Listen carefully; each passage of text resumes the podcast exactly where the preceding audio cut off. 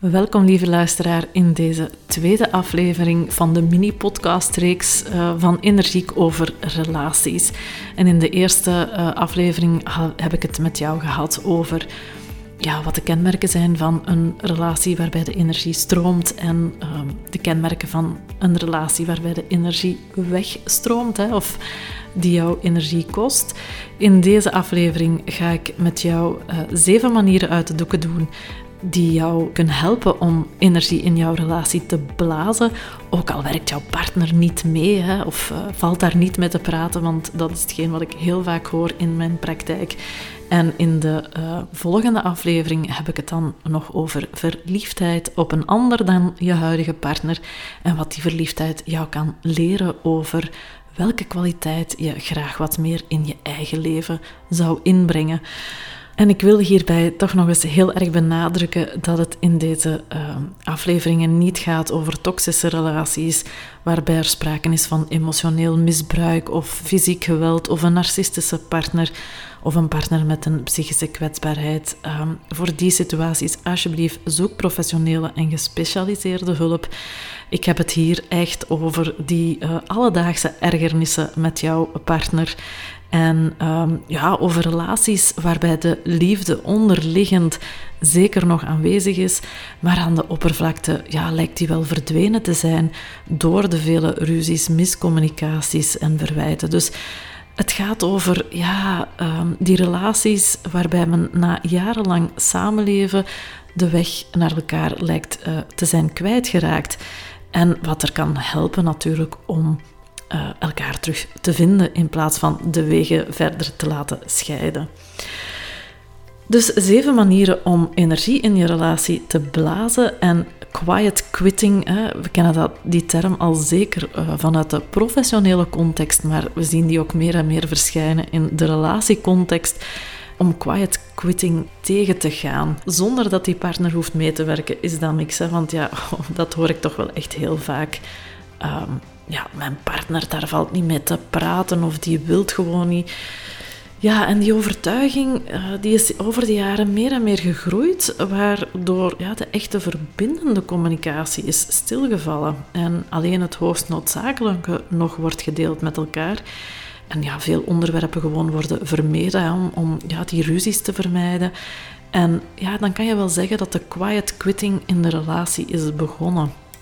Het scheidingsproces is bij wijze van spreken ingezet. Hè? Misschien nog niet letterlijk, maar wel figuurlijk zo. Hè? Het heeft allemaal geen zin.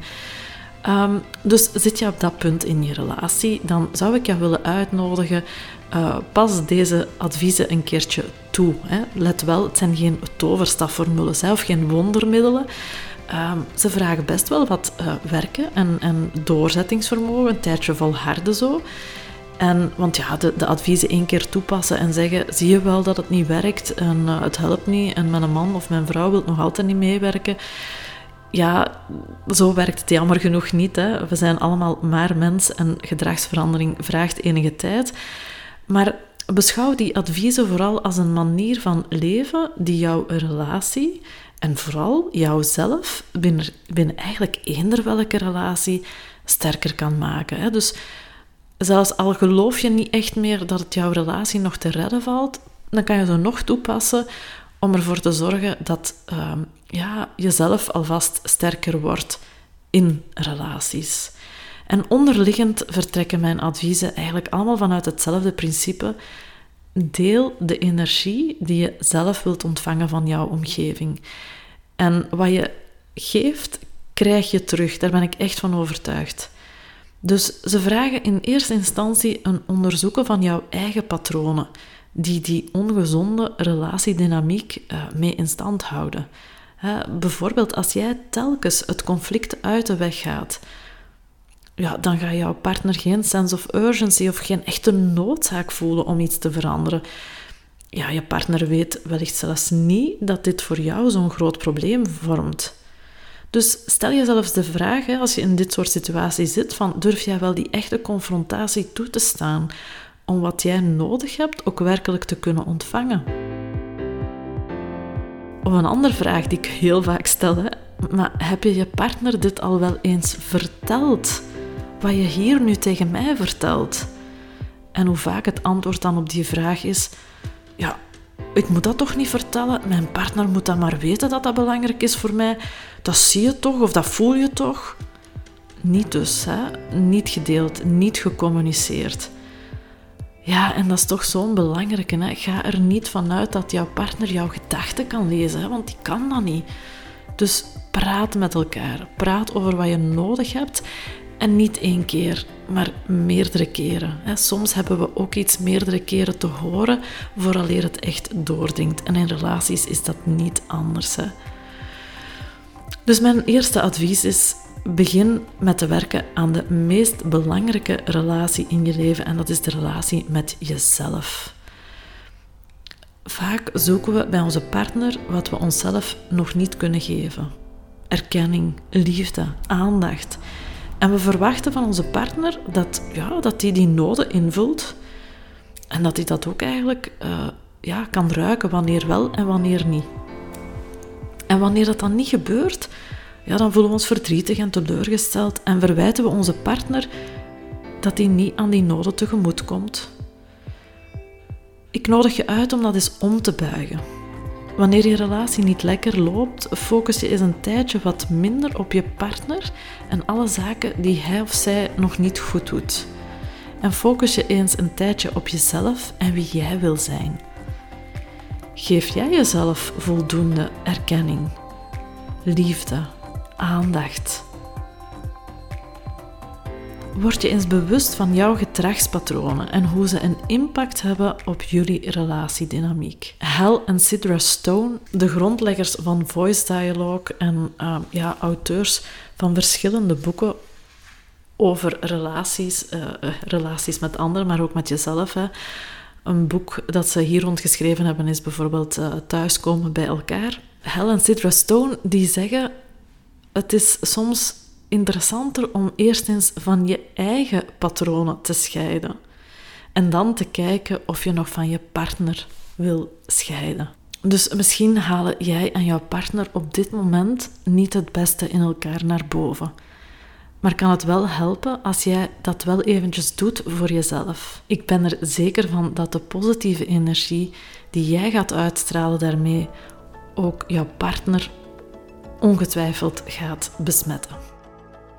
Focus je eens op wat wel goed gaat en uit je dankbaarheid hiervoor. Dat is iets wat we veel te weinig doen.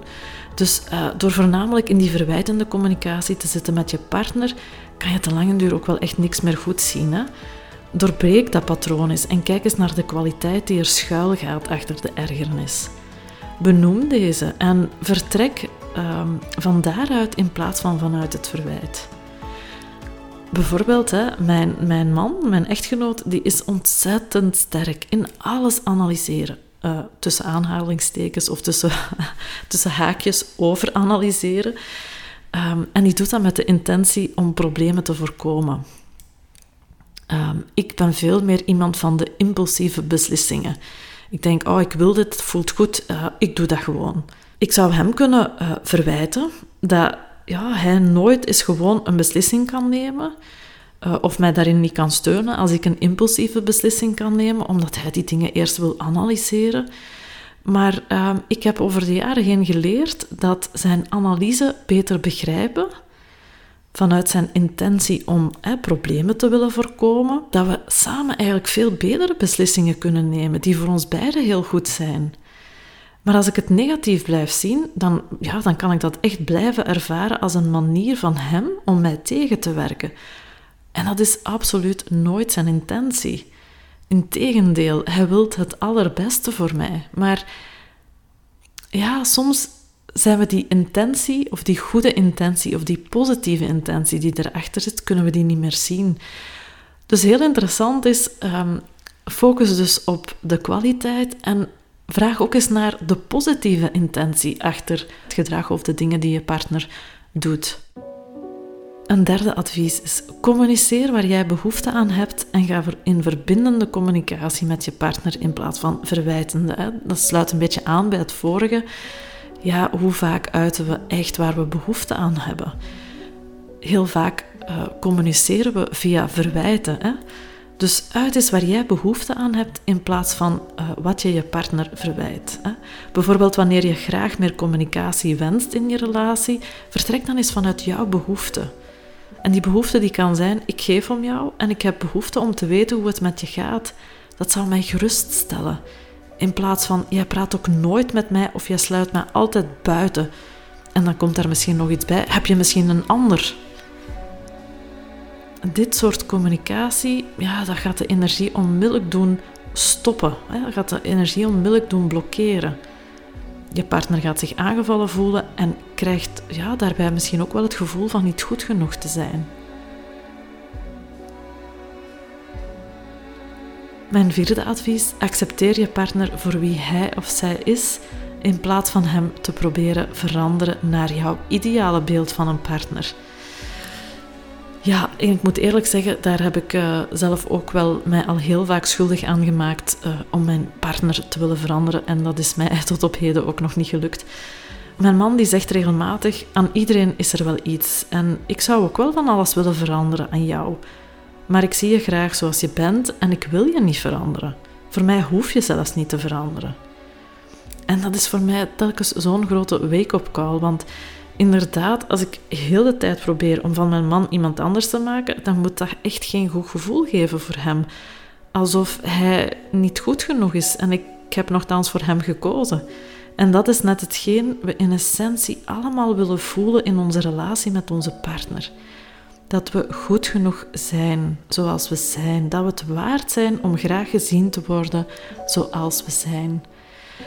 Dus accepteer jouw partner is volledig voor wie dat hij is. En ontdek dan eens wat dat met jou doet en bij gevolg ook met zijn communicatie naar jou toe. Een vijfde advies is: leer je partner zijn liefdestaal begrijpen en spreken.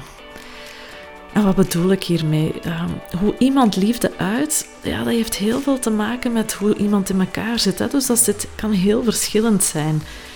Uh, mijn man bijvoorbeeld, hè, die uh, uit zijn liefde in kleine praktische attenties. Die gaat ervoor zorgen dat ik nooit een lege batterij heb met mijn elektrische fiets of mijn oortjes om te gaan lopen. Dat is, dat is gewoon wat dat die doet. Hè. Ik moet dat niet vragen. Ja, dat, dat regelt hij voor mij. Ik zelf, ik ben niet zo'n praktische, dus ik uit mijn liefde veel meer in ja, um, in knuffels geven, checken hoe het met hem gaat of uh, wanneer hij het wat moeilijk heeft, hem proberen op te vrolijken. En ja, in het verleden gaf dat wel eens aanleiding tot echt wel hoogoplopende ruzies, hè, waarbij ik het praktische van wat hij deed onvoldoende apprecieerde en ik mij tekort gedaan voelde in de aandacht en liefde die ik kreeg van zijn kant. De aandacht en liefde op de manier zoals ik die uit. Hè. En in plaats van te verwachten van hem dat hij zou gaan veranderen, ben ik meer zijn taal gaan spreken. En hem meer gaan ja, helpen met een aantal praktische dingen. Uh, ja, wat hij wel lastig vond om dat alleen te doen, bijvoorbeeld. Hè. En um, door hem daar vaker in te helpen, voelde hij zich ook meer gezien en kon hij ook makkelijker spontaan mijn manier van uh, liefde geven ook uiten. Mijn zesde advies is: doe eens iets anders. Of geef de ander wat jij zelf nodig hebt in plaats van uh, telkens te verwachten dat ja, iemand bij wijze van spreken je gedachten kan lezen en het jou dan spontaan geeft. En um, ja, ik weet niet of jullie het programma Therapie gezien hebben op Canvas. Daar kreeg je zo inkijk in de therapiekamer. En er was een relatietherapeut, Willy Kolen. Zo'n beetje een grappige man. Ik vond echt een hele fijne uh, man om naar te kijken, of therapeut om, uh, om ja, zijn ding te zien doen. En wat hij vaak deed, was uh, koppels de opdracht geven om te stoppen met zeur over elkaar. En elkaar gewoon wat meer te knuffelen. En hij kon dat dan ook zo heel stellig zeggen van... Gewoon, je moet elkaar wat meer knuffelen. Vertrek je s'morgens, knuffel je vrouw vooraleer je de deur uitgaat. Kom je s'avonds thuis, verwelkom elkaar met een knuffel. En dan zei hij, je gaat onmiddellijk merken dat de gevoelens die leken, of die, die, waarvan je dacht dat die weggeëpt waren, dat die vanzelf wel terugkomen door elkaar te knuffelen. En het lijkt misschien heel simpel, maar dat is het net. Hè? Daardoor is het ook net zo effectief. Het is zo schitterend in zijn eenvoud, omdat het eigenlijk betekent om, ja, om je anders te voelen, moet je soms eens iets anders doen. Voelen hoe dat, dat voelt en onderzoeken welke gedachten daarbij opkomen. Dus wil jij wat meer liefde voelen? Ja, geef je partner dan eens wat vaker knuffels. Spontaan. En voel een keertje wat dat met jou doet in plaats van te zitten uh, verwachten zonder dat hij ook maar enig idee heeft dat je dat verwacht. Uh, ja, dat hij dat vanzelf gaat doen, hè, bij wijze van spreken. En mijn laatste, en dat is misschien wel een van de belangrijkste, stel eens wat vaker de vraag aan elkaar: hoe is het tussen ons? Hoe gaat het nu tussen ons? Hoe vaak heb jij het met je partner over je relatie? Maar echt over de relatie, niet over de inhoud hè, van de zaken die jullie samen beredderen, het huishouden, de kinderen, het werk, familie, maar echt over hoe het tussen jullie gaat. Misschien hebben jullie twintig jaar geleden ondertussen geloftes uitgesproken naar elkaar, maar jullie zijn niet meer dezelfde mensen van twintig jaar geleden. Levert de relatie jullie nog op wat jullie zelf nodig hebben om gelukkig te zijn? En hoe eerlijk ben je hierover naar elkaar toe? Initieer dit gesprek eens met je partner. Hoe is het tussen ons? Door deze vraag te stellen, blijf je weg uit het verwijt. Maar heb je het over het proces met elkaar? Over het proces tussen jullie, tussen jullie twee. En ja, daar heb je de ander voor nodig hè, om dit gesprek te voeren. Maar ik ben ervan overtuigd dat als je die vraag stelt, dat er onmiddellijk een veel zachtere lading op zit dan wanneer je weer vanuit die verwijtende communicatie zit. En die zachtere lading, hoe is het nu tussen ons, kan veel meer een uitnodiging zijn om dat eerlijk, authentiek gesprek te voeren. You and I, we were meant to be. I feel it in my soul. Feel it in my soul. Never separated you and me. Broken made whole. En tot slot uh, misschien nog iets wat ik wel eens in mijn praktijk doe. Wanneer ik merk dat iemand er echt van overtuigd is, met mijn partner valt niet te praten, dan uh, zwaai ik met mijn toverstaf en dan zeg ik: uh, Weet je, morgen word je wakker. Ik heb nu net met mijn toverstaf gezwaaid. Morgen word je wakker en is het wonder geschied. En de gedachte mijn partner, daar valt niet mee te praten. Die overtuiging, die heb je niet meer. Die is volledig weg. Die is verdwenen. Je kan je zelfs niet herinneren dat je dat ooit over je partner gedacht hebt. Met hem of haar valt niet te praten. Wat wordt er dan mogelijk? Wat doe je dan? Wat zeg je dan tegen je partner? Wat voel je dan naar je partner toe?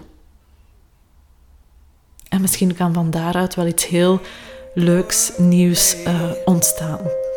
We were made for each other. Dus zeven manieren om energie in je relatie te blazen zonder dat je partner hoeft mee te werken. Hè? Dus die quiet quitting te voorkomen. Ten eerste, begin gewoon met te werken aan de meest belangrijke relatie in je leven, die met jouzelf. Focus op wat wel goed gaat en uit je dankbaarheid hiervoor. Communiceer waar jij behoefte aan hebt en ga in verbindende communicatie met je partner in plaats van verwijtende communicatie. Accepteer je partner voor wie hij is, want dat is de essentie van een veilige relatie. Dat we het gevoel hebben dat we volledig onszelf kunnen zijn, dat we het waard zijn om graag gezien te worden zoals we zijn. Leer je partner zijn liefdestaal begrijpen en spreken en kijk wat er van daaruit mogelijk wordt. En doe eens iets anders wat jou een andere gedachte en een ander gevoel kan geven. Knuffel je partner als je op zoek bent naar liefde in plaats van te wachten tot hij jou komt knuffelen. En stel eens wat vaker de vraag: hoe is het nu tussen ons? En ook nu weer, uh, lieve luisteraar, ik ben geen relatietherapeut.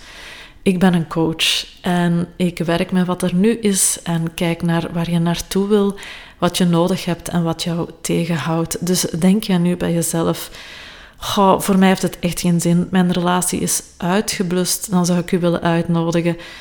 Ja, ga toch eens aan de slag met die zeven adviezen. Hè? Misschien ook al beslis je om uit elkaar te gaan, dan nog kunnen ze jou helpen om jezelf en je partner beter te begrijpen en op een constructieve manier met elkaar in communicatie te gaan. Ervaar je dat jouw relatie jouw energie kost? Kan je misschien de vinger er nog niet helemaal op leggen? Heb je het gevoel dat je zelf meer en meer verloren bent geraakt in die relatie? Wil je terug meer contact met jezelf? Dan zou ik zeggen, Um, neem contact op twiggy.energy-coach.be. Dan wil ik jou uh, bij deze bedanken om te luisteren naar deze tweede aflevering over relaties. En dan is er nog een laatste aflevering over verliefdheid en wat, die, uh, ja, wat de dieperliggende boodschap van die verliefdheid op een ander is. Bedankt voor het luisteren naar Energiek. Ik ben Twiggy en ik wil dat jij als drukke professional je energieniveau op peil houdt. Haal je energie en bruikbare tips uit deze podcast en wil je dat anderen hier kunnen van meegenieten? Deel deze podcast met jouw vrienden, familie, collega's of geef deze podcast een review. Dat zou ik heel fijn vinden.